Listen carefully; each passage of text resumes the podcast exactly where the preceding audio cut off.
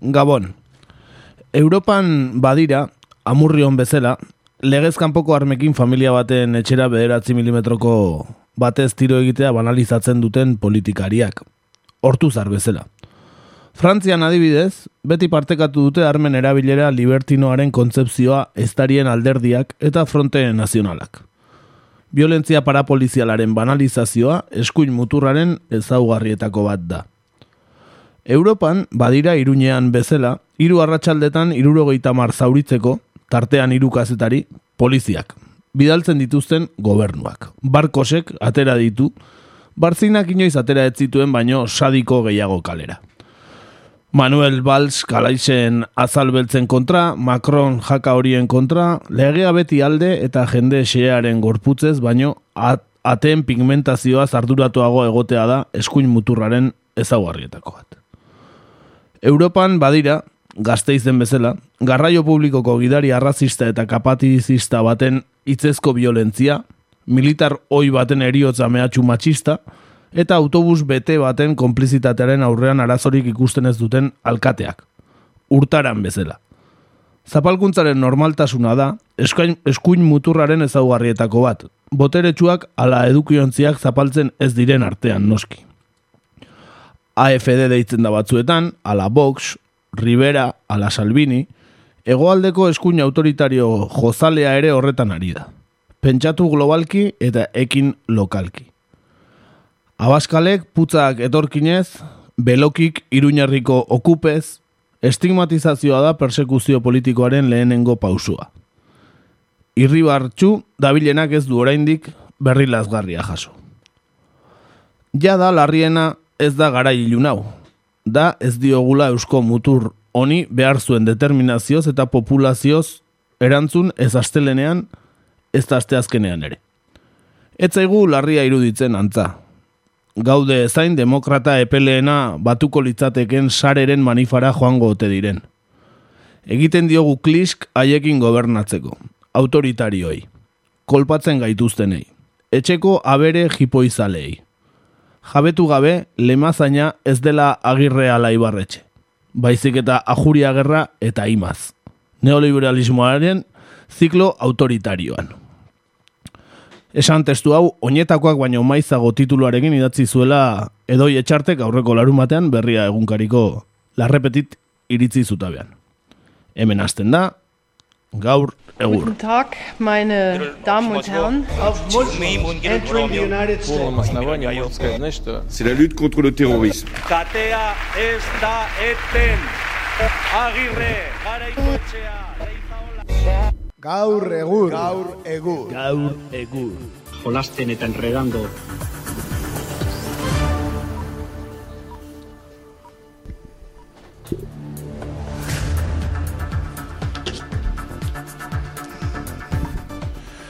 Beno, beno, ba hemen gaude zortziak eta bost dira zuzen zuzenean kakaintzonako estudioetan, urretxuko kakaintzonako estudioetan, FM bidez urretxu zumarra gara, eta arrosa sarearen bidez Euskal Herri osora, eta kakaintzona.eusen, ba, mundu osora iristen den irratsaioa beraz, ongi etorri entzule, eta ongi etorri zuei bai. Kaixo, gabon den hori. Kaixo, gabon. E, aurreko astean e, Twitterren ere galdera bidali genuen, eta aste honetan ere bidaliko dugu. Aurreko astekoa azan, ba, nola goratzezaten nola Arnaldo Tegik bomba elektorala bota zuen, ez? E, ba, Bai, abertzale PNV, guztiak eta Kataluniako independentistak eta BNG eta danak batera ba, e, aurkeztu beharko liratekela Espainiako hauteskundetara esan zuen. Bai, eh, zan PNV-tik Kupera, ez hori zan titulu erra, ez? Kupera. Eh, bidai kupera. luzea. Bai. Bueno, ba, bueno, galdera bialdi genuen eta erantzuna jaso ditugu eta bueno, e, hiru aukera geneuzkan egingarria, egiteko zaila edo ezinezkoa. Bueno, ba, esan egiteko zailak irabazi duela. Así que, bueno, batzuk esperantza minimo bat ematen diote aukerari ala ere. eh? Zaila ikusten dute, baino esperantza minimo bat, bai, euneko berro eta amaseiak. Euneko eta amairuak ezinezko ematen du, eta euneko amaikak egingarria. Beraz, badago oso optimista den bat, edo, Bai, bai. Edo oso unionista, ez dakigu. Beno, e, gaurko galdera, era bat desberdina da. E, kontua da, ba, jaingo ez duen bezala, ba, aurreko aste lehen aste arte arteko gauean, ba, Marabillas gaztetxea desalojatzen hasi ziren eta desalojatu dute. E, ba, Nafarroako gobernuaren agindupean eta ba, ba jakingo zen duten bezala Marabillas gaztetxea desalojatzeko ba, inspekzio teknikoaren aitzakia bat erabili dute. Eta, bueno, ba, pentsatu dugu agian, ba, beste batzuk okupatzeko ere eufemismo berbera erabil daitekela, ez? Eta inspekzio tekniko baten aitzakian, ba, nun baitea sartu eta ber, eta bera okupatu, ez? Bera egin duten bezalaxe. Orduan, ba, galdetzen dizu eguna da, zein eraikin okupatu beharko litzateken, ba, inspekzio tekniko honen aitzakipean, ea zein iruditzen zaizuen, guk lau aukera jarri ditugu, baina beti bezala, ba, ba, edo zein erantzun jarri dezakezue, e, arroba gaur egur da gure e, Twitterreko kontua eta bertan inkesta aurkituko duzue. Orduan, ba, gure lau aukerak haue dira. E, geroa bairen sedea, Iruñako udaletxea, alderdi karlistaren sedea, ba, indarra aukarako orain dinaparroan alderdi karlistak, Karlistat josita. Eta edo Xabierreko gaztelu mitikoa, ez? Ba, bueno, zuek nahi dezuena aukeratu, eta hemen txedoa ba, gure tweet miragarria, eta ba, ba hori, nahi dezuena erantzun, eta beste aukeraren bat ok- okurritzen bazaizu ere, ba, erantzun dezakezue. Hortxe doa, gure txioa, eta ba, aste bete daukazu erantzuteko, entzule maiteok, hasi que, ba, zuen erantzunen zaio gongo gara. Ba, besterik gabe aurkezpenak egin eta gero, ba, guazen bertan gaur atalarekin.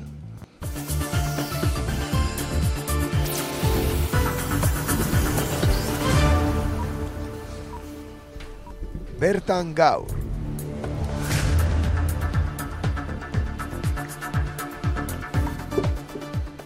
Bueno, ba, esan bezala, ba, hemen abiatzen ga, bai, gure bertan gaur eh, atal honekin. Eta gaurkon, ba, bueno, eh, eratu berri den goierriko autodefentsa laboraleko sareko kide bat, eh, daukagu gurekin, eh, sortu berri den ba, sare honi buruzko ba, gehiago, ez, jakin dezagun. E, behasainen ordizin eta zumarragan egin zituzten aurkezpenak pasaden astean eta hurrengo ostiralean beraien lehen asamblea egingo dute. Goierriko autodefentsa laboraleko sarea, da bere izena esan bezala, eta sortu berri den mugimendu honi buruz eh, gehiago jakiteko, bai? Ba bueno, hemen kide bat daukagu eta zuzenera ba berarekin hitz egitea izango da, bai, kaixo gabon? Gabon. Gabon, bai. Bueno, eh, bueno, lehenengo galdera nahiko rekurrentea da, ez? Nahiko tipikoa, bai. Bai. Eh, zergaitik sortzen da, bai, goierriko autodefentsa laboraleko sare hau. Ba, begira, ikuste genuen eh, hainbat eh, utxune dituztela sindikatuek, historikoki, eh, beraien burrukan, eta ba, utxunoie, utxunoie betetzera begira, ba, bildu ginen gutxi batzuk, eh, gazte mugimenduko eta herri mugimenduko gutxi batzuk, eta eta ba, hau sortzea erabaki genuen, langileriaren kapa edo estrato ezberdinetara iristeko, eta eta bertakoak ba, aukera bat izateko euren burua defendatzeko, ezta? Beraz ez, autodefentsa tresna bezala, ez, sortzen da, ez? Bai, hori da. Eragile hau, ez da? Zerbitzu moduko bat izango da edo edo kontzientziazio tresna bat ere.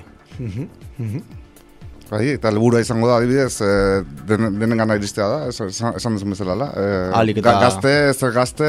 Hori da. Mhm, Bai, oso alik eta jende gehiena gana. oso ondo. Eta zentzu dira bere helburuak? E, helburuak garbi-garbi e, ez daude definituta, baina bi separazio bat egingo genuke e, taktiko eta estrategiko artean. Hau da, e, taktikoa izango litzake adibidez ba, borroka edo kasu bat identifikatu eta berau irabaztea lortzea, e, bueno, irabaztea edo behintzat e, garaipena edo e, du, ulertzen duguna e, lortzea eta horrekin e, erreferentzialtasun bat lortzea eta irabaztea e, bai gazterian eta langilerian. Eta estrategikoa izango litzake gehiago ba, e, proletargoaren borroka historikoa berreskuratzea. E, horretarako kontzientziazioa maila areagotuz e, langileriaren artean eta horretarako hau da borroka ideologiko bat eta masa borroka bat aurrera eramanez e, nola lortuko genuke hori ba pentsa e, masa borrokaren bitartez e, kontzientzia gara asko garatu ez duen norbaitek e, masa borroka horretan parte hartzen badu posible da kontzientzia garatzen hastea eta alderantziz kontzientzia duenak masa borroka horretan parte hartuko du. Hortaz, ba, e, el, elikatu egingo dira, ez? Bate- E, bi- bategite bat Hori da, hori da. hori da. Zergatik e, pentsatu ez goierri osoko e, antolakunde bat egitea? Ba, egia esan goierrin ikusten genuen e, aukera garbia, izan ere gure indarrak e, goierri mailakoak direla uste dugu eta e, goierritik aratago ez dugu ikusten oraintxe bertan indarra edukiko genuenik. E, gainera, esan barra dago beste leku batzuetan ere hasi direla horrelakoak sortzen, e, ez dugu kasmatu hau, eta, eta badaude e, badaude hasita ja da hontan eta gainera e, aipatu ez dudan beste helburu bat izango litzake nazio mailako edo herrialde mailako saretze bat hastea edo harremanak e, egiten hastea langileri e, ba, leku ezberdinetako langileen artean edo Eskualdeka sortu zagian, ez? Gero Baliteke. dana Baliteke. saretzeko edo, ez? E, nazio sora zer, Mm. edatzeko. E, esan dezu beste toki batzutan hasita dagola, e, badakizu adibidez nun, e, sonatua izan zen e, Iruñako autodefentsa laboraleko, bueno, iz- uste dut izen berdina duela edo antzekoa, eta oso sonatu izan zen lortu zituelako garaipen batzuk, e, bestalde uste dut e, Hernani inguruan ere hasi direla biltzen eta antzeko zerbait egiten, e, eta Euskal Herri mailan ez nuke esango enez jakitun behintzat e, gehiagoren berri, baina baina bai badakite mugimendu dagoela eta eta espero dut benetan e, gehiago ikustea. Beraz, ez, existitzen dan kontzeptu batetaz ari, eh? Bai, esango genuke baietz. Mhm, Ados. Eta, bueno, eh, sare honek ez, komentatzen dezunez, e, autodefentsa laboralerako sare honek, ze, ze lan hildo eukiko ditu edo, ez, e, nola egingo du lan? E, oraingoz markatu ditugu lanildo batzuk. E, oraingoz e, ba, garbiena ikusten duguna da presio soziala berreskuratzea.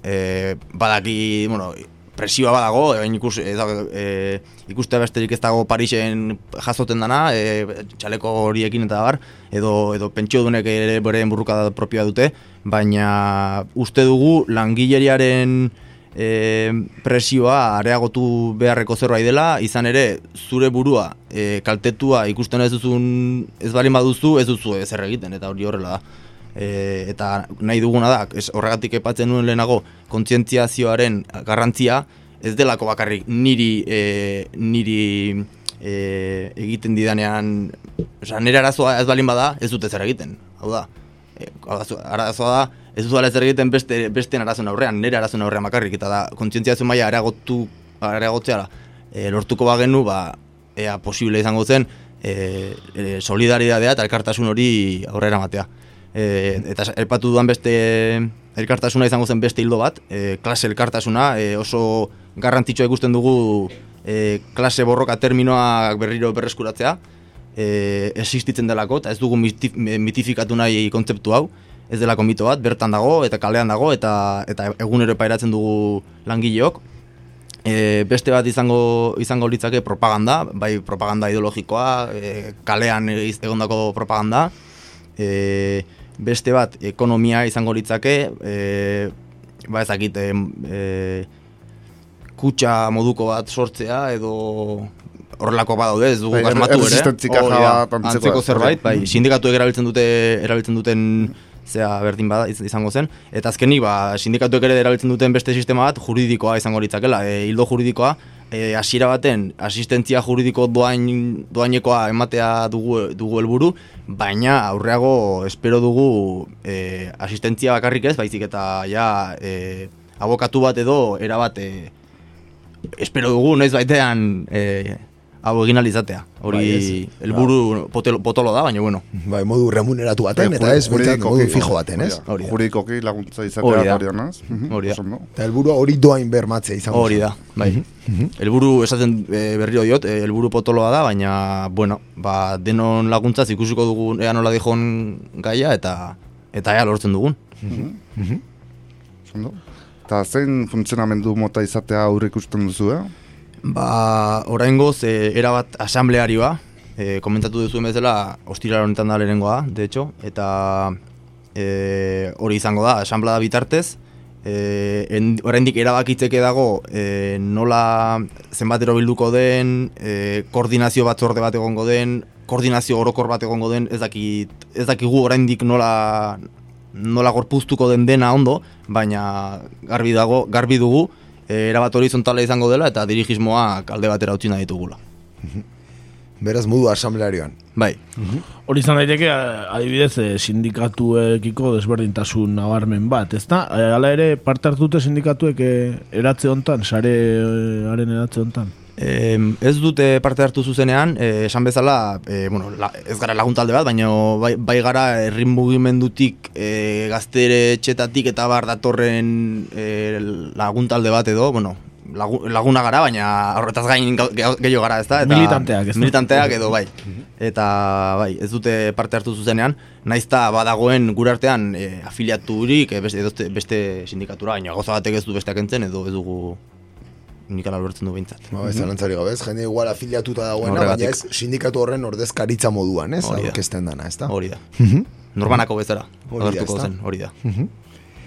Eta, bueno, lehen komentatzen zenun, ez? Euskal Herrian ez, existitzen dara mota ontako proposamenak, Iruñako aipatu ezulen, bai? Bai. E, Iruñan zehaz mehaz, ba, jakingo zenuke aipatzen e, egindako ekintzaren bat, edo nola funtzionatu duen kontu honek? E, bai, e, sonatu izan zen, uste dut pizzeria bat zela, e, ez dakit dakizuen, pizzeria bat uste dut zela, e, bertako langile bati ez omen zioten e, finikitoa ordaintzen e, uste dut finikitoa zela, eta eta bueno, ba, juntziren eguntien egun pila bat bertan jarrita ateparen, e, presioa sartzen ordaintzeko, e, eskari, eskari faltzuk intzitizkioten, hau da, e, eskari batin berrogei pizzakoa eta inorrek e, ordaintzez bado, ba, sekulako zulo daitezu ez. Eta, bueno, e, egie da, pizzeri baten aurka burrukaitea, edo beste ze enpresa potente baten aurka burrukaitea berdin ez dela, baino, baina, bueno, irabazi zuten, edo, eta esan barra dago baita, beraia bakarrik ez zeudela, e, sindikatuk ere bat bat zeudela atzetik laguntzen, e, baina, bueno, e, beraiek ere uste dute lan, lan potoloa egin zutela. E, bai, oso sonatu izan zen, ez? E, gaina, bezero ere bai esate zieten, ez? Ze pasatzen zan, juten zian bezeroi, eta bar, bai, Bai. gogoratzen naiz. E, esan bezala, urrengo ostiralen hemen, zumarran da, zumarrako zelai aristikultur etxen da lehenengo asamblea, zero asamblea, ez? Bai. Esan dezakegu. Ze espero dezue lehenengo asambleatik ze atera daiteke? Ba, espero dugu lehenik eta ben jendea etortzea. E, gutxienez e, aurkezpenetara etorri ziren guztiak eta espero dugu norra gehiago animatzea ere. Eta horretaz gain, e, gure asmoa da e, helburu, osea, e, ardurak pixkanaka finkatzen joa astea. Hau da, e, komunikazio ardurak, e, diru zaintzak, e, eta bar, eta bar. Eta ere dauden e, ardura ezberdinak finkatzen hastea eta jendeak ardura hartzen duen momentutik implikazio maila areagotzen du nahi gabe. Denak ez, baina orokorrean ala izaten da. Eta eta bida hoi espero deu, ja pixkanaka finkatzen hastea eta eta bueno, ba, urrengo e, e, periodo biltzeko periodotasun edo finkatzea ere espero dugu pixkanaka eta eta gaina hasieran pentsatzen dut gehiago, gehiagotan bildu beharko gela e, bai burrukak identifikatzeko e, edo besterik gabe gure artean ezagutzen hasteko. Baliteke herri bakoitzean ere pixkatez talde txoren bat edo sortzea, behitzeko, edo goi herri mailan bakarri bilduko lirateke, edo horrek ikusten dezu ez zer? Ba, oraingoz goierri mailan da. E, gero, pentsa, kriston indarra balin badukeu, eta herri bakoitzean berrogei pertsonako komisioa sorteko gai balen bagea, ba, bueno, ba, orduan bai, baina oraingoz goierri mailan utziko dugu eta horrekin konformat- konformatzen gara. Bueno, bintzat ez indarrak bat aldera, ez? Eskualdeko, ez? E, ba, Hori da, bueno, ez? bai. Bilkura horiek egitea, ez da? Bai.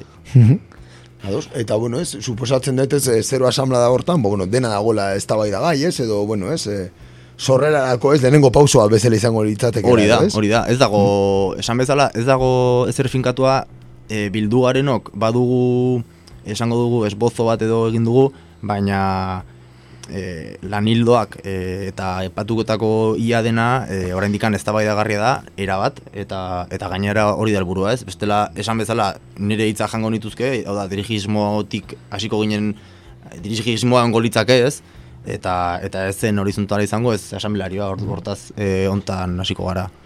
Erabakiak hartzen. Orduan ez da hasi eta oraindik ez dakigu nola joango den, ez? Zatikan e, asamblearioa. Hori da. Baina bakigu e, zergatikan sortzen den, ez? Eta da, ba, langileriaren ba, dagoen fragmentazioa esan dezakegu, ez? Bai. Sindikatuen arteko beraien eztabaidak, enpresa bakoitzak bere enpresari behitzen diola, ez? Enpresa bakoitzean ere sindikatu bakoitzak bere afiliatuei bakarrik, ez? Hortik doa kontua, ez da? Bai, pixkat horti da, bai, eta e, esan duzun e, bezala afiliatuak e, exigitzen du sindikatu askok de, ez denak, ez ditutenak ez berean sartuko, baino e, gehienak edo behintzat e, nik ezagutzen ditutenak gehienak e, beraien afiliatua bakarrik babesten dituzte, ezta? Eta, eta e, kuota bat dago, bakit kuota oso txiki izaten dela orokorrean, baino e, adibidez borroka borroka galdu asko borroka galduak ikusi izan dira hau da e, pentsa e, su kontrataturi dagoen norbaiti defendatzeko ba, arazoak egoten dira edo, edo, edo zailtasunak ikusi izan dira. E, ez da berdina kafeko langi izatea edo beste numaiteko langi bai. izatea. Kafen bertan su kontratatua edo, edo bertako langi izatea kasu asko dare, e, kasu bakoitza aztertu beharko litzake.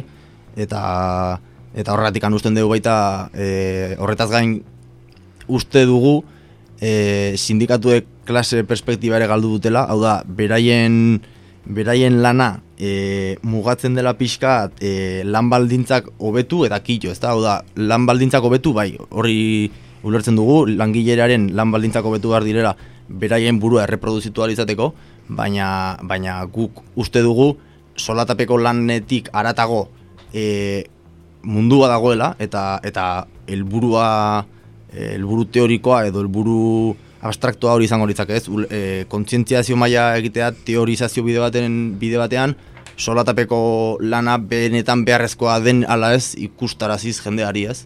Mhm. eta eta klase borroka hori da azkenean nire bueno, gure ustetan klase borren, borroka horren barrun sartzen da ez, oain okurritu zait, hori aipatzen nahi zinela, adibidez, ba, feminismotikan ere askotan aldarrikatzen den kontua dela, ez, zaintza, eta ez, mhm. soldatapeko lanetik aparteko dauden lan bai, horiek ere baloratzea, eta... Bai. Erreproduzio lana ere hor dago, ez da, e, askotan aipatzen ez dena, e, zai, oso zaila da esatea nola defendatuko duzu, hau, edo zenen aurka defendatuko duzu erreproduzio lanak egiten dituna oso benetan zaila da, komplejo, e, komplexoa da, e, esan bezala, e, dikan ez daude ez ditugu definituta era bat e, edo naizta definituta eduki askotan ez ginen gai izango ez dut uste gai, gai denik inor e, identifikatzeko euneko eunean borroka bakoitzak zer exigitzen duen edo nola definitu behar den kasu bakoitza baina, baina bai es, e, gure asmoa da aliketa zehatzenak izatea borrokarekin eta aliketa fida, fiderena gure ideekin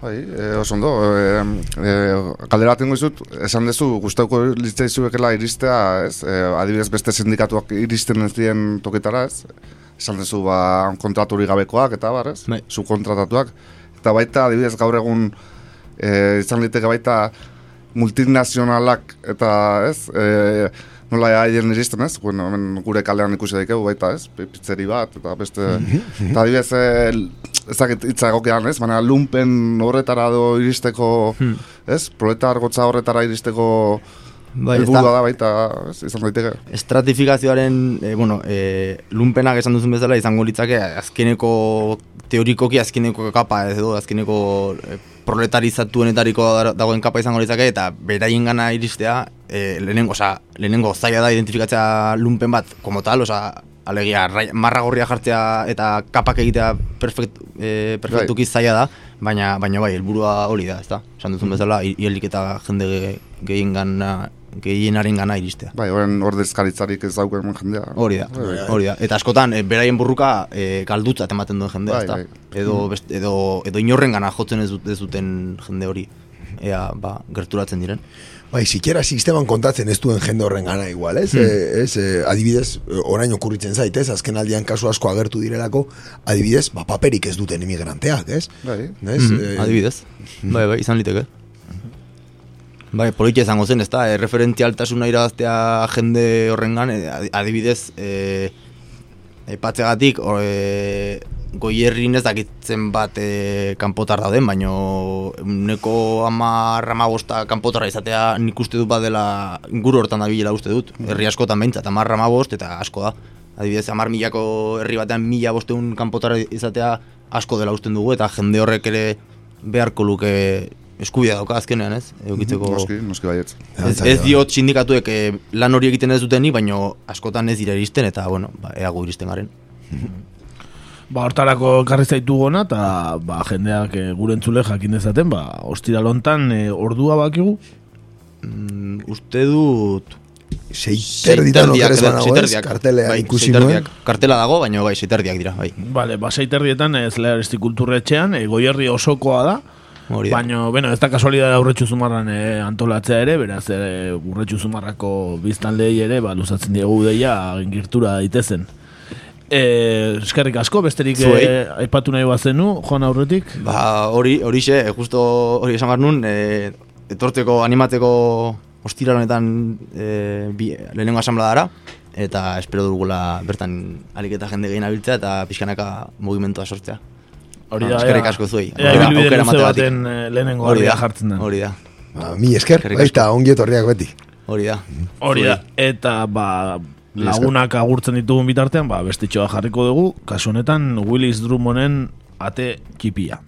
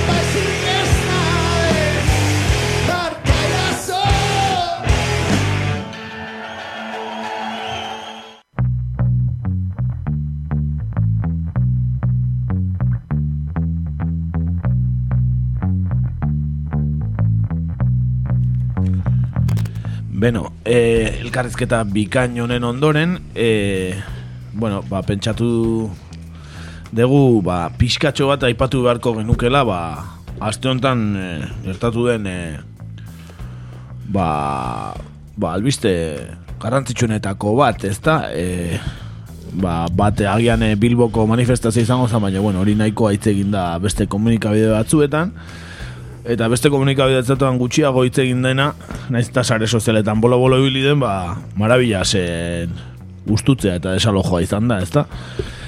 eta badakizuen bezala goizeko ordu txikietan, eh? astelen eta aste arte arteko goizaldeko ordu txikietan poliziek eh, ez zuten inor topatu Rosalejoko markesaren jauregi barruan eta bare, egoera baliatu zuten gaztetxea materialez usteko eta zigilatzeko.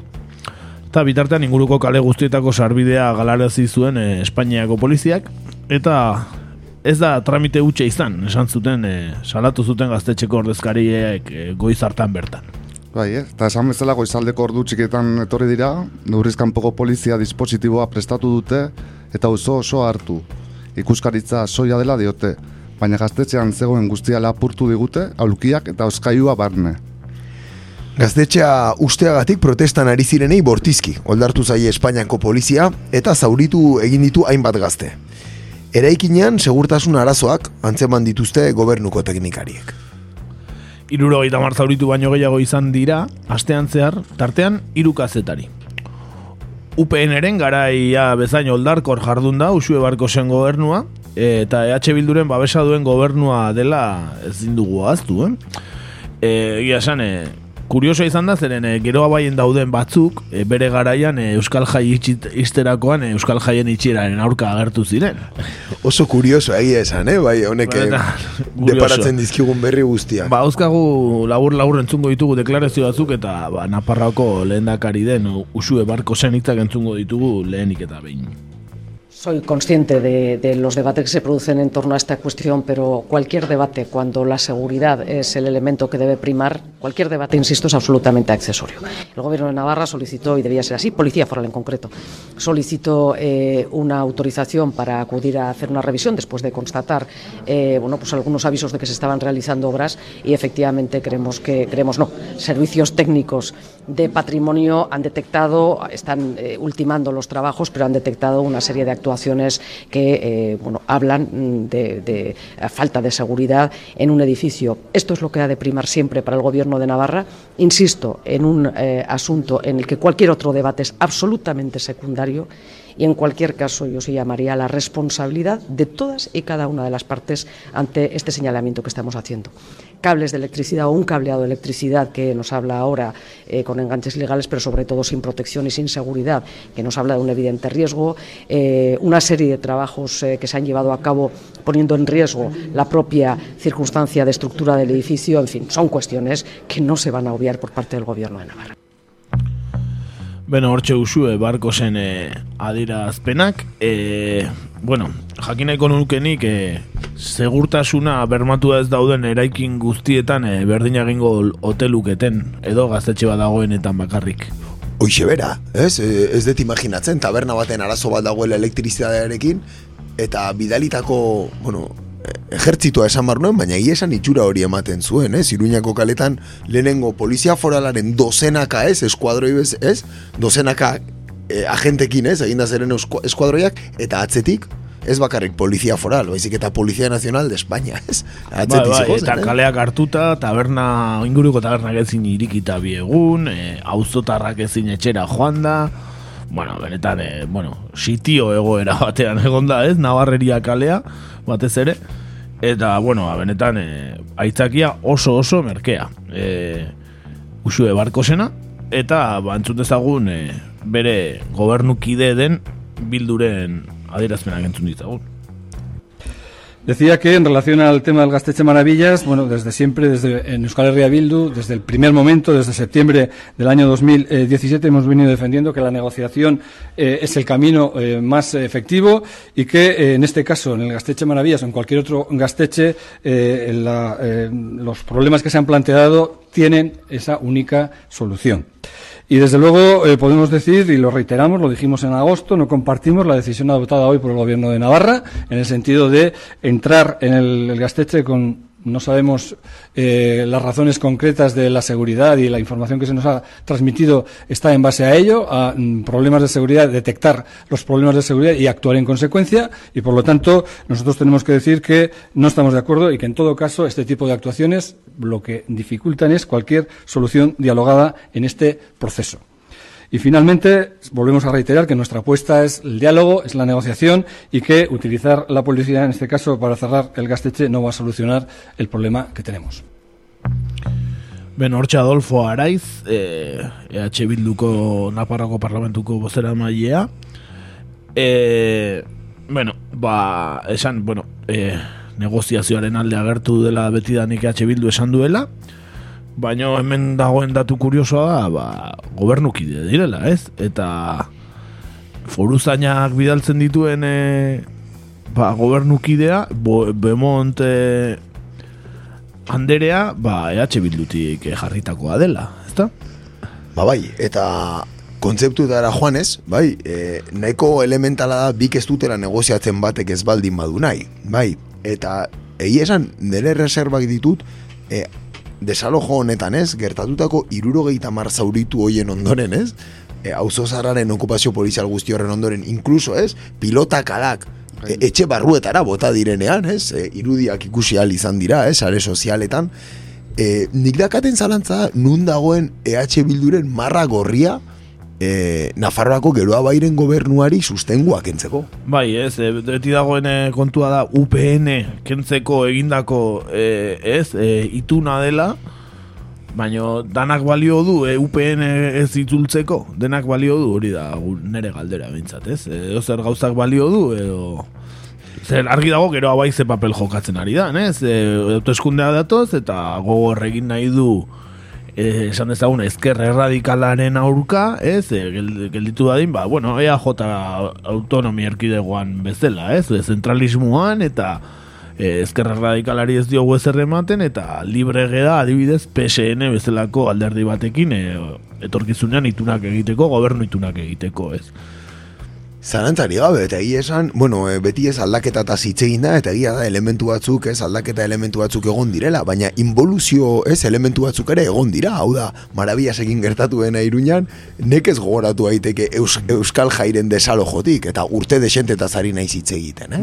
Bai. Esan bezala EH Bildu jarritakoa Bemont Anderea eta, bueno, ba, gaztetxeko kideek eta ba, bere dimisio eskatu dute ba, esan duelako adibidez ba, ez dela gomazko pelotarik erabili edo lehiora bota zuten e, ba, auzokide bate balkoiti protestan ari zela lehiora botatako pilotaka da etxe barrura botatako pilotaka da salba bat zela eta bideo bat badago hori edioena eta guk audio ekarri dugu eta entzun ezagun Bemont Anderea hori bera esaten. que ojalá se podría haber evitado. No se han utilizado pelotas de goma, eso es radicalmente falso, las pelotas de goma se suprimieron.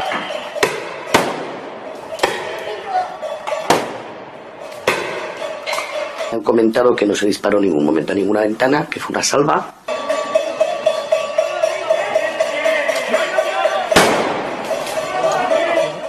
Beno, ba, bideoa interneten ikusgai dago, eta esan, ba, gezurra esaten ari dena, ben montanderea bera dela. Bai, beste beste bain ere, ere. Ba, Beste bainera, egia esan bai, bere kurrikuluma nahiko beteta dago, ez, gezurra hauetaz.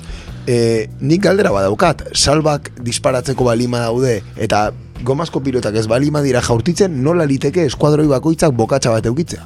Hau da, zein da bokatxa horren e, funtzioa. Zerura botatzea, igual, igual bi gauza nahi dituzte, e, jendea dispertsatu eta iriko e, usoen e, gain populazioa deusestu, ez igual usoren bat emango diote, igual, salba bat egitzeako. Ez te tortan pentsau. Izan daike, izan Efektiboa, daike, eh? efektiboa, eh? oso gobernu efektiboa, usue barko zen. Oso esan- Bai, Eta esan behar da, ja, egun gutxitan, bi- bigarren kasua dela, zatik, eh, esan eh, peraltan uste dut, etorkin langi hoien kasuan ere... Bai, la huerta de Peralta, ez? Hori, foru zaingoak, ez? Egor oldartu zela langien kontra, ez? Eta behen responsabilitatea ere, go- Naparako gobernuaren da osoki, ez? Mhm. Bai, nik, nik benetan e, erabateko e, e, elektoralismoa ikusten diot movimendu guztia hauei, eh? Erakusten e, Naparroako ba, gizartearen zati bati ba, UPN bezen gogorrak izan daitezkeela, ezta? Duele gabe, partido de lei orden, ez? Esaten zana lehen, ez? E, Hori da. UPN-erekin, badirudi geroa bai ere hortik doala, eta, eta bueno, eh, badirudi ere, bere, berez, bere sustenguak ere, badirudi hortik doa zera, ez? Desagostasunak agertzen dira, baina ekintza politikorik ez da ikusten, ez? Orduan, bueno, ba, nahiko perplejo gelditzen naiz, eta gero, bueno, ne- azken komentario moduan, e, nekez pentsatu ezaket, e, agertu ziren Espainiako poliziaren dotazio guzti horiek inork abisatu gabe agertuko zienik. Hau da, obviamente motu propio etzien agertu. Ba, goizeko lauretan, gainea, bai, e, inspekzio tekniko bategatikan, ba, hori, e, Polizia Nazionalen kuartel guztia mobilizatzen dezu, ez? Ba, bueno, Bai, bueno, e, tontakerik esateko, ez? Tontakeri instituzional hauek esateko garaia ja pasatu dala uste, eh? Ba, bai. Pertsonalki, ez? Nahiko denigrantea iruditzen zait, horrela egiari, ez? Falta egitea, konstantemente. Benetan lotxargarria izan da baita ere sare sozialetan gero abaiko inguruko jendeak eta kontzejalak eta erabili dituzten hitzak eta Bai. e, gaztetxeko kideentzako erabili dituzten e, hitzak eta deskalifikazioak Bai, eta azkenan pintada horiekin pasatu dena baita, azkenan eman nahi izan dute garantzi gehiago e, lau pintaketari, ez, gertatu den ari baino, ez? Ba, ertauden guztiari baino, eta e, Iruña bertako gazteek eraikitako gaztetxe bat, utzi zegoen eraikin batean, e, Na- Nafarro, oi, Iruñako erdigunean, Navarreria kalean, ba, bueno, ba, ba ez zitzaien gustatzen eta eta itxi egin dute, besterik gabe, ez e, inspekzio tekniko eta ez kristo, gezurrik ez dezatela esan. Zalantzari gabe, eta, eta modus operandia UPN erana bezalakoa izan dara, edo okerragoa, sikiera. Bai, bai. Yolanda, Oso Bar. Yolanda Barkos edo Usue Barcina esan dezakegu, eh? Hoxe bera, ez? Lasai asko gainera. Benetan lamentablea, eh? Bueno, eh, gertutik jarraituko dugu, aipatu azkeneko e, Iruñan manifestazioa dagoela larun baterako deituta, e, urretxu zumarratik ere autobus bat aterako dela, badaude tabernetan eta badago apuntatzeko e, papelak eta badaude, hasi que informatu zaitezte eta eta Iruñara joan nahi baduzue, ba, manifestazioa dagoela marabila senalde, e, Iruñan larun batean. Esan bezala Nafarroa gertutik jarraituko dugu hauteskundeak e, urtea da urtengoa, Nafarroan ere hauteskundeak datoz eta bueno, aldaketa zekarren gobernu lauko koalizio hori ba, ikusi dugu gutxinaka desintegratzen joan Bai, dela loka, eta, lokaztuta, era bat, ez? eta, eta ikusiko dugu ze maitza ateratzen dituen bakoitzak eta ze, ze itunetara iristeko almena daukaten baina bueno, ez du ematen eh, oso oinarri finkori daukatenik errepikatzeko egindako ituna, eh? Ez daka bat ere itxura honik beraientzat, desde luego, batzuentzat bestentzat baino okerragoa, desde luego.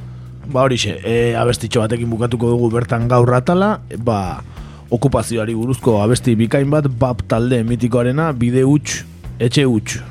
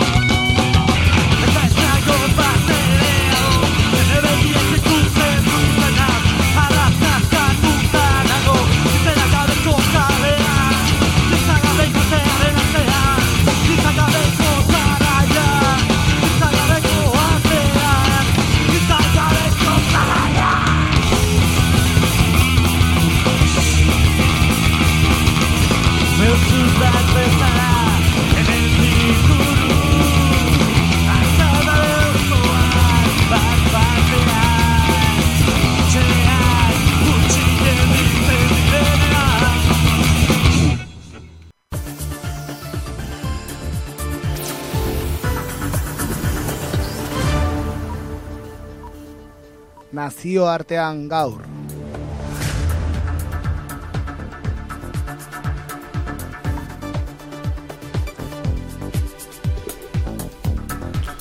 Bai, eta gaur munduko atalean Brasil aldera joko dugu.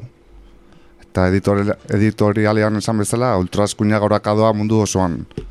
Europan badakigu Lepen, Abascal, Salvini, Babis, estatu batuetan Donald Trump eta Ego Amerikan kontinenteko herrialde handienean, kargu hartu berri duen Jair Bolsonaro. Gaurkoan, esan bezala Brasilera goaz, eta bertan izendatu berri duten presidente berria ezagutuko dugu.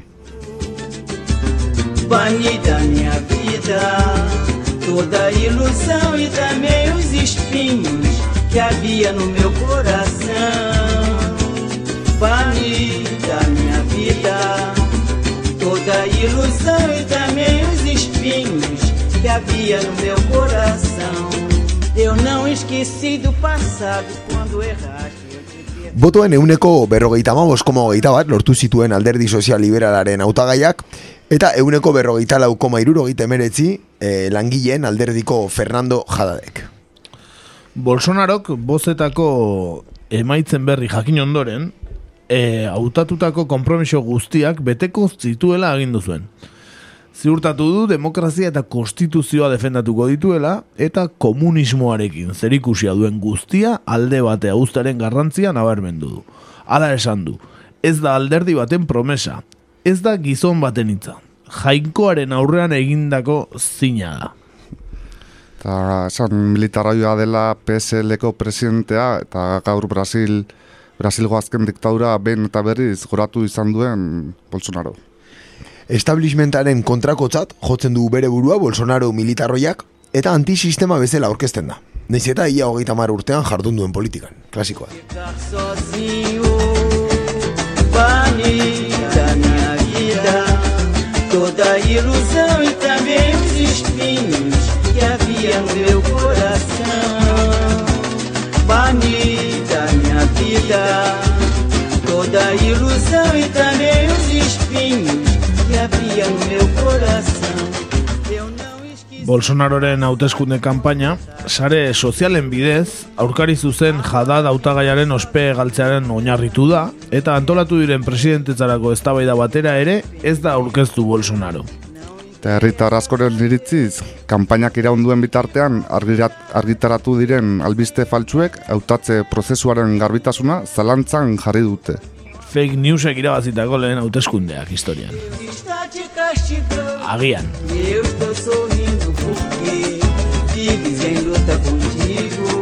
Querendo te arrepender e dizendo pra todos que um dia eu fui o teu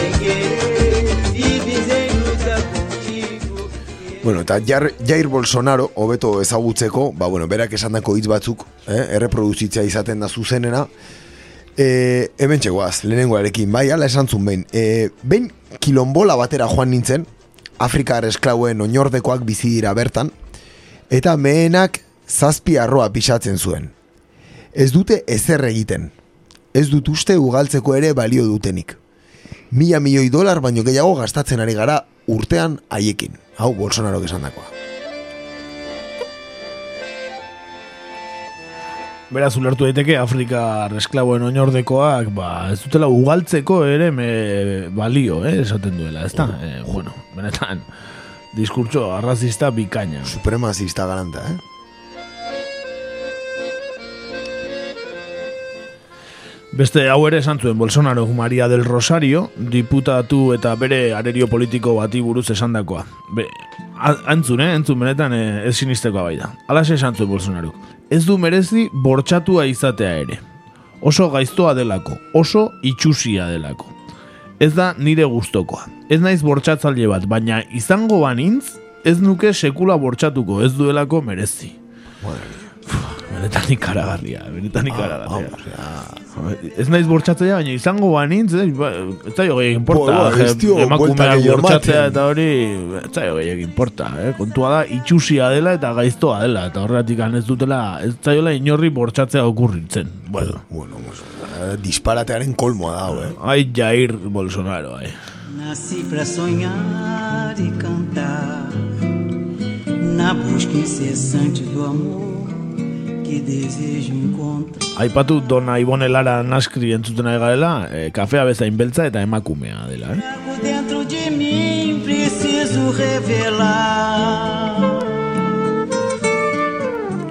Eta ondoren datorrena ere esan zuen Bolsonarok. Mapatik ezau- ezabatuko ditugu gorri sozialista maltzur horiek. Hautezkunden bezperan, esan zuen hori Bolsonarok.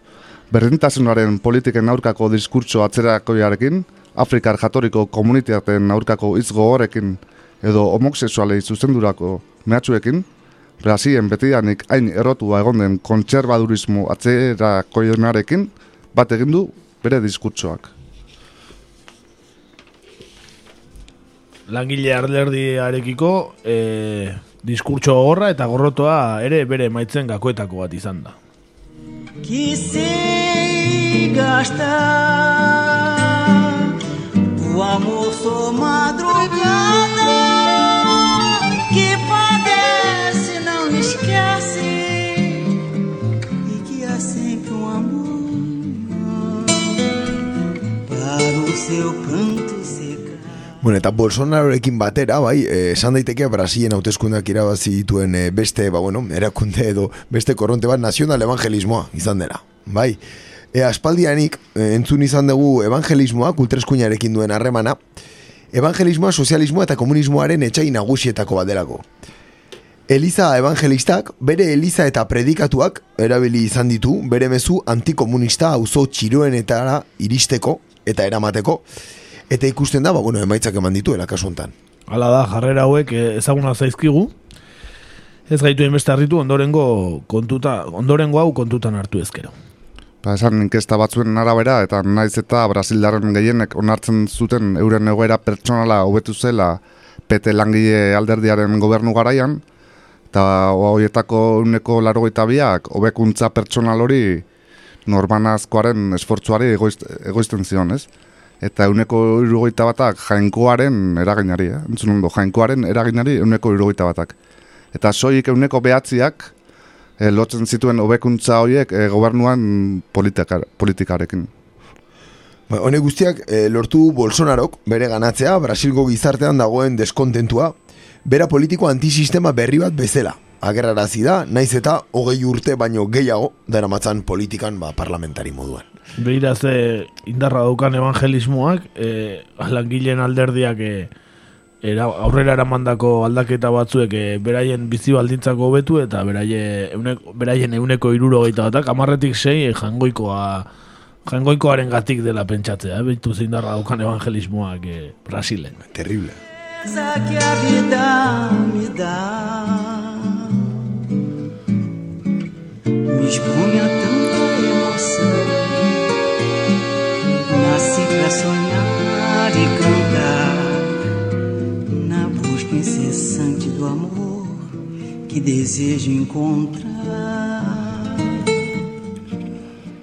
Bolsonarok e, lasaitasunerako deia egin zion ala ere establishment ekonomikoari, e, naiz eta horako astakeriak esate zituen, ba, bueno, e, benetan e, importa dienak lasaitu ditu, ezta? E, ba, boteretsuak eta irudunak. Horretarako dauka aldamenean ba, bere konfiantzazko ekonomista den e, Paulo Guedes, eta Chicagoko eskolako ikasle aplikatua dugu Paulo Guedes, eh, Chicago Boy hoietako bat, eta bera jarri du mai gainean programa ultraliberala.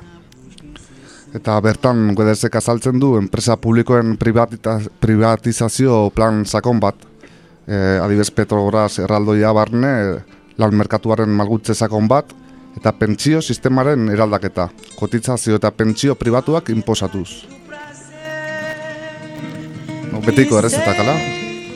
Bai, betiko errezetak eta Chicagoko eskolak ba, aspaldi Pinotxetekin ja jarri zituenak eh, martxan eta ikusi zen zertarako balio izan zuen, ezta? Baina Beti agertzen dira nunbait, eh? Bai, bai, benetan e, unibertsitate garrantzitsua Chicagoko hau, eh? Benetan mundua, mundua nundik eh, joan behar den ematen du beraiek erabakitzen dutela askotan. Bintzat ego Amerikan bai. du ere, bai.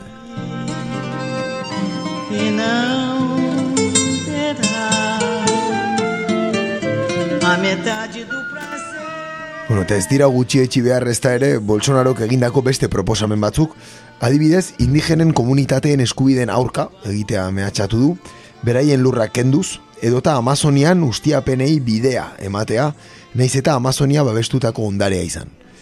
Etorkizun beltza, ingurumenaren ere kasu hontan. Bai, eta gogoratu hori, eh, Amazonia ondarea dela, babestutako ondarea, baina babestutako ondare mundiala dela, ez brasileño bakarrik, eta han ere, ba, ustiapenak beti egin izan dira, eta ematen du Bolsonaro, ba, oendik areagotu ingo ditula, eta bertan bizi indigenen lurrak ere ba, kolokan daudela, eta baita bertan errekuperatu diren lurroiek, ez, movimiento sin tierrakok eta errekuperatutakoak, e, terrateniente handia ikendutakoak, eta, bueno, etorkizun beltza Amazonia inguruan ere.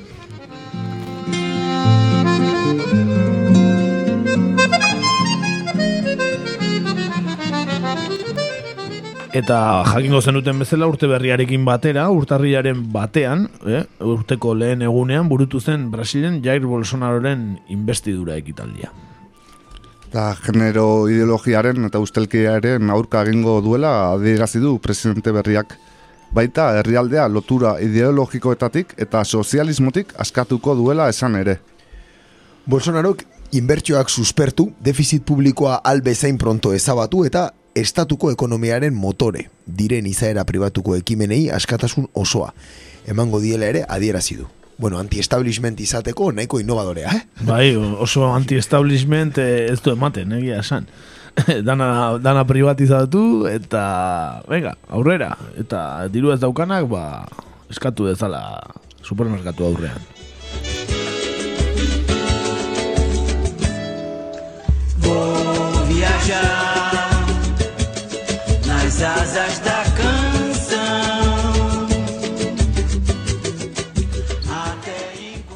Dagoeneko adibidez, e, Bolsonarok iragarri du bos militar sartuko dituela bere gobernuan, bos militar. Eta pentsio sisteman erreforma lehen bailen egingo duela ere agindu du. Eta hoien artean Moro, e, Lula in- inhabilitatu eta kartzelaratu duen epaile polemikoa justizia ministro izango da, ez? Eta Kubako enbasada izteare izango da erabaki bat, e, aginduetako bat, eta beste bat, eta oso esanguratsua Israelgoa Jerusalerema eramango duela, ez? Bai, e, Trumpek egin zuen bezala, ezta? E, Israelgo, Israelen dauketen enbajada, ba, Tel Avivetik, e, ba, Jerusalemera aldatzea, eh? Berdin dio, katoliko, protestante, evangelista, danak e, daukate Israel e, gogoko, eh? Ba, dirudienez. Bai, Israelekin ez da, eh, matiz asko goten, eh, kasu hauetan. danak, eh, ba, Jesukristo ere judutarra zen, eta agian eh, hortik etorrikoa, ez? Oinarrian eh, danak eh, agian eh, judutarrak izango dira, o sionistak zein edaki. Hona hemen, ez, Israel babesten duen ultraeskuina, bueno, aurrea.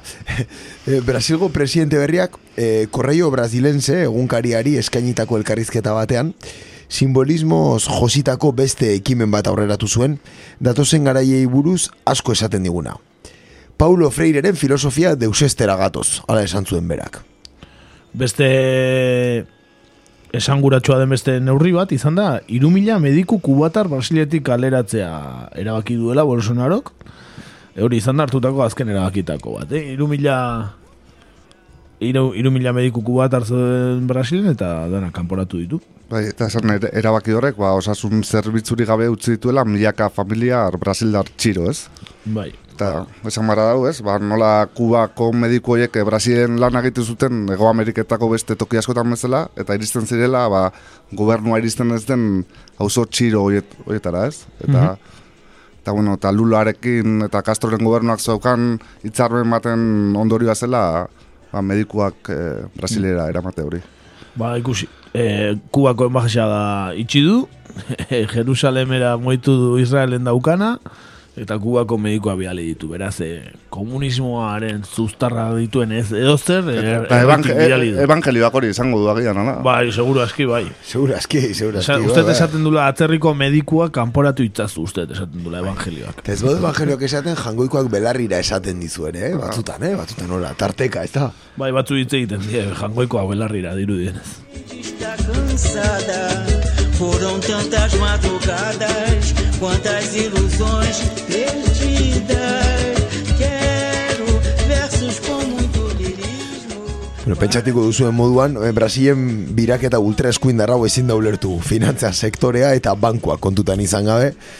Esan bezala, Paulo Guedes, Chicagoko eskolako ikasle aplikatua, du konfiantzazko ekonomista Bolsonarok. Adibidez noan txoskik, azpimarratzen duen moduan, Brasil 2008an atzeraldian sartu zenetik, banku handiek, banku handiek, euneko hogeita bost eta euneko hogeita artean handitu dituzte beraien e, irabaziak. E, azpimarratzekoa, eh? Laurden bat gehiago, edo eren bat gehiago, eh? Bankuek, eh? bost urtetan. Increíble. Bai, eta Chomsky biraren arabera, ba, horrek ito arazten du Brasilgo ekonomia atzeraldian ez gastu sozial handiak edo ustelkeriak. Horra neoliberalen urteotako erasoak politika sozioekonomikoa nora eraldatu duen. Aberastasuna izugarri konzentratzen da gutxi batzuen eskuetan, eta aldiz gehiengoa blokeatuta dago. Prestazio sozialak murrizten dira eta demokraziaren funtzionamendua ahultzen. Botere ekonomikoa gero eta konzentratuagoa dagoela, finantza erakunde predatzaileen atzaparretan dio Noam Chomskik ere. Horrek elikatzen ditu munduaren zati handi bateko gobernuekiko jendeak daukan erresumina, aserrea eta mespretsua. Sarritan, oker, azpimarratzen du Chomskik, populismoa deitzen zaiona. Bai. Eta atzeraldi ekonomikoetan, le, e, lehenago ere, Brasilen estatu kolpeak ekarri izan dituzte, e, azte, e, Amerikako estatu batuen esku hartzeekin, instituzioen instituzioak auzitan jartzea atzerakoiek eta 2013tik han bizi izan dena estatu kolpe ez dia deitzeko arrazoirik ere ez da falta, ez? Bai, ja da fastismoak ez du behar e, militarki golpea jotzea e, azken garaietan e, boterea egoteko, ezta? E, baditu beste Beste bide batzuk, bai. ez? Esango dute demokrazia dela eta jendea bozkatu duela, baina, bueno, atzetikan herramienta oso potenteak dituzte, bai propagandistikoak, bai basare sozialak eta bai beste asko ultraeskuinak horrelako goraka izan dezan eta ez da kasualitatea. segurança, acreditar com força no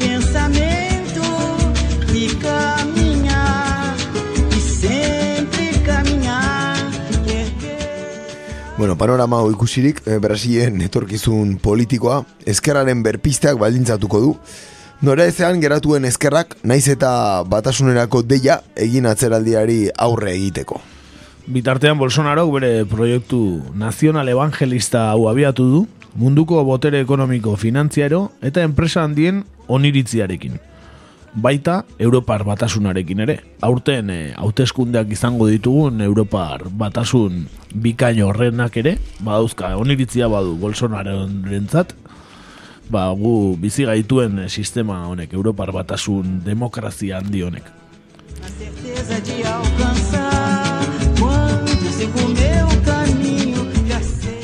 Bueno, ba, esan barra dago, ez, e, munduko herrialde aberatzenen klub horrek geroz eta itxura ustelagoa hartzen duela, noizbait itxura hona izan bazuen. Bai, bai. E, dakago ez, munduko bosgarren potentzia ekonomikoa ez banago ker, eta hortxe dakagu Jair Bolsonaro, ez? Lehenengo potentzian eh, Donald Trump. Hoxe, eta tartean gelditzen direnak ez di asko zobeagoak. Ez, ez. Beraz, bueno, ba, nahiko, ez, etorkizun beltza batez ere Brasilentzat, ez? Kasu hontan Bolsonaro iritsianetik eta bueno, bere, ez, intentzio deklarazio hori egin zuenetik, ba, bueno, ekintzetara iritsi gara eta badirudi oso zatar jarri bar dela, ez? Brasildar txiroen entzat batez ere eta indigenentzat. Nik ez detena ulertzen da, eh, hain politikoki zuzena dian eh, eh, gizartearen espektro handi hontan, ez da, eh, nola dena demokrazia den eta dena hauteskunde ez aukeratzen den, eh, nola justifikatzen den eh, ba, ezkerreko alderdi politiko batzuk eh, ilegalizatzea eta eskuinekoak hain, hain errespetagarri bihurtzea eta komunikabidetatikan ere, naiz eta egurra eman, erabat eh, onartua daude sisteman eh, ultra eskuindar eta ultraliberal diren eh, alderdi hauek eta pertsonaia guzti hauek, ezta? Ba bai, ez dago inungo ez, errepresio neurririk haien kontra, de hecho ez, e, incluso establishmentaren kontrako indarrak direla aldarrikatzen dute, baina inoiz ez zaie zer gertatzen. Kasu, eta e, badakit konparazioak askotan ez diren egokienak, baina behitu aurreko astean, Nicolas Maduroren, ez, e, kargu hartzearekin egon zen polemika guztia eta ze, ez motatako komentarioak entzun ziren mas mediatan, eta Bolsonaroren inguruko bueno, zalaparta askorik e, e, etzan ere entzun, ez? Ez, ez, ez da eskandalizatu, ez? Europar batasuna... Eh, nazi bat e, boterean Ba. jartzearekin eta hori. Eh. Bueno, ba, ez da iruditu oso garra, oso... Ba- balioen Europa hori, ez? Ez da, ez dago. Diru, badirudi behaien balioetatik oso urruti ez dagoela Jair Bolsonaro bera, ez?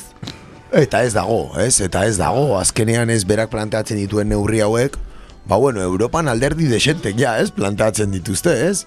E, Orban bera, ez? E, linea horretatik doa, ez? Babis ere, ez? E, Republika Txekan horren inguruan. Ukranian bai. Ukranian ere hortik doa, Polonian, Magin Le Pen ez da oso urruti biltzen ere, ez? Santiago Abascal ere hor daukagu. Hau da. Salvini ere bai. Hoxe, ez? E, bueno, ez da, ez da. li, liberalak eta ultrak bat egin da, ez? Bai, bai. Eta, bueno. Bai, bueno, noiz baita hautsi barko zaie, bai, ere, ez? Esan nahi, ultrakonservadoreak eta ultraliberalak, eh, ez dakit. Gauza asko dituzte aman komunean, baina beste batzuetan ez du da, ez, da, ez datoz bat, ez da, adibidez ultra erligiotasunean, eta abar. Baina, bueno, eh, badirudi momentuz ondo doakiela elkartuta.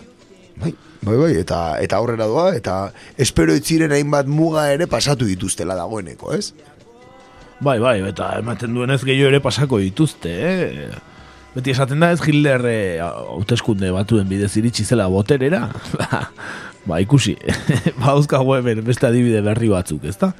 Dudari eta gero, bueno, ez, Brasiletik aratago egia da, Ego Amerikan nahiko panorama desestabilizadorea, ez? E, eraikitzen ari dela, ez? E, ikusten bari dugu Ego Amerikako e, mapa politikoa orain dela hamar urte eta gaur egun dagoena, Uf, egia esan euri asko egin du horre. Bai, bueno, e, argi ikusi hau, e, egoera ez dara bat establea jendearentzako eta jendea arruntarentzako, baina bankuen irabaziak euneko goita mar, bueno, gehiago igo direla, ez? Eta horrek, Bai. bueno, Hor ikusten da zeinak nahi duen eh, estabilitate falta hori batzuentzat oso eraginkorra da, ez? Batzuentzako oso establea da, estabilitate Oso. falta hori, ezta? Hoxe, Beraien ekonomia eh, oso eh, esponentzialki, esponentzialki ondo igotzen da, ez? Ondo azten da. Irabazien estabilitatea, ez da? Hori da. Beno, ba, hori xe Brasiletaz eta Jair Bolsonaroetaz esateko genuena, eta bestitxo bat ekarri dugu, eta nola beti Brasilez hitz egiterakoan samba edo bosanova izaten dan, ba, Brasilek duen talde internazionaletako bat ekarri dugu, eh? internazionalenetako bat, eta agian, ba, Euskal Herrian bastante fama izan duena, eta adibidez nik ezagutu nuen lehen talde brasildarra izan zen. E, bosanova eta samba baino lehen, Nik ere esan, bai, bai, bai, bai. Bueno, batzuk jakingo ez dute, zer eta zari garen, ba, bai, sepultura handi eta zari gara, ez da, ez inundik inora doinu gozoen taldea, ez dauka samba eta bosana batik ezer, baina oso famatuak mundu osoan, sepultura eta beraien rata majata.